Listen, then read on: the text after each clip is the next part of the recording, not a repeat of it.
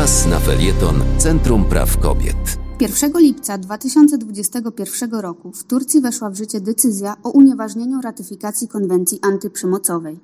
Została ona uznana za zagrożenie tradycyjnych wartości i promocji zachodniego stylu życia, a w jej krytykę zaangażowali się konserwatywni uczeni i kaznodzieje muzułmańscy. To symboliczne wydarzenie, ponieważ Turcja była pierwszym krajem, który tę konwencję ratyfikował, a jej potoczna nazwa to Konwencja Stambulska. Wydarzenie to sprawiło, że przez kraj przetacza się obecnie fala protestów przeciwko tej decyzji.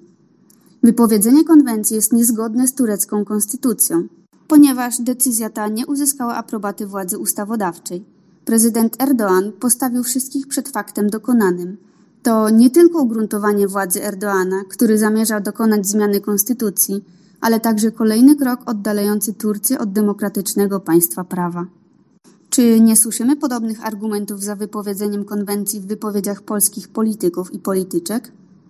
Podsekretarz stanu w Ministerstwie Sprawiedliwości Marcin Romanowski powiedział: Konwencja stambulska mówi o religii jako przyczynie przemocy wobec kobiet. Chcemy wypowiedzieć ten genderowski bełkot. Warto zauważyć, że Romanowski jest jednym z ważniejszych członków Opus Dei, tajemniczej i kontrowersyjnej instytucji Kościoła katolickiego.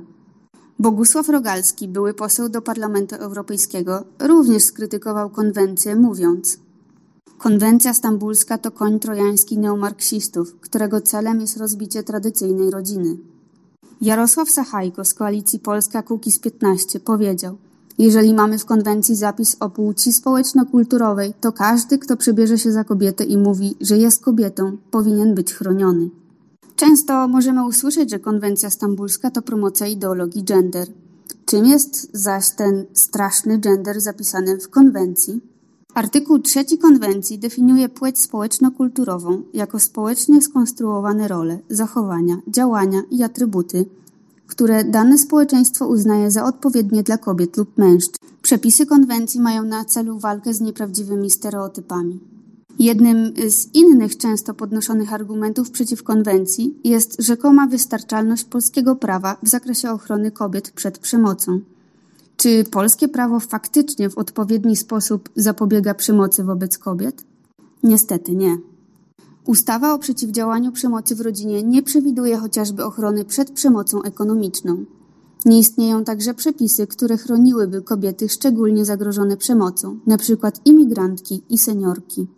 Jeszcze przed ratyfikowaniem przez Polskę konwencji Ordo Juris ostrzegało, że konwencja zakłada konieczność przekształcenia realiów społecznych pod dyktando założeń ideologicznych. Warto wspomnieć, że Ordo Juris jest jednym z współtwórców strategii Agendy Europe, nieformalnego ruchu powiązanego z Watykanem, którego celem jest wdrażanie działań przeciwko prawom człowieka dotyczących seksualności i reprodukcji. Strategia agendy przynosi konkretne rezultaty chociażby w Polsce, tak jak na przykład projekt o zakazie aborcji czy zakaz zawierania małżeństw jednopłciowych. Wśród przepisów, które według członków agendy należy wdrożyć w życie, widnieje m.in. przeciwdziałanie sodomii, przepisy utrudniające przeprowadzenie rozwodu, zakaz propagandy homoseksualizmu, klauzula sumienia dla wszystkich lekarzy i farmaceutów, zakaz stosowania ludzkich komórek macierzystych, zakaz sprzedaży wszystkich farmaceutycznych środków antykoncepcyjnych, zakaz in vitro oraz diagnostyki prenatalnej, walka z edukacją seksualną, zakaz adopcji dzieci przez pary homoseksualne. Czy któreś z tych projektów brzmiał znajomo? W czasie kampanii prezydenckiej Andrzej Duda podpisał projekt zmiany konstytucji, w której miałoby być zapisane wprost o zakazie adopcji dzieci przez pary jednopłciowe.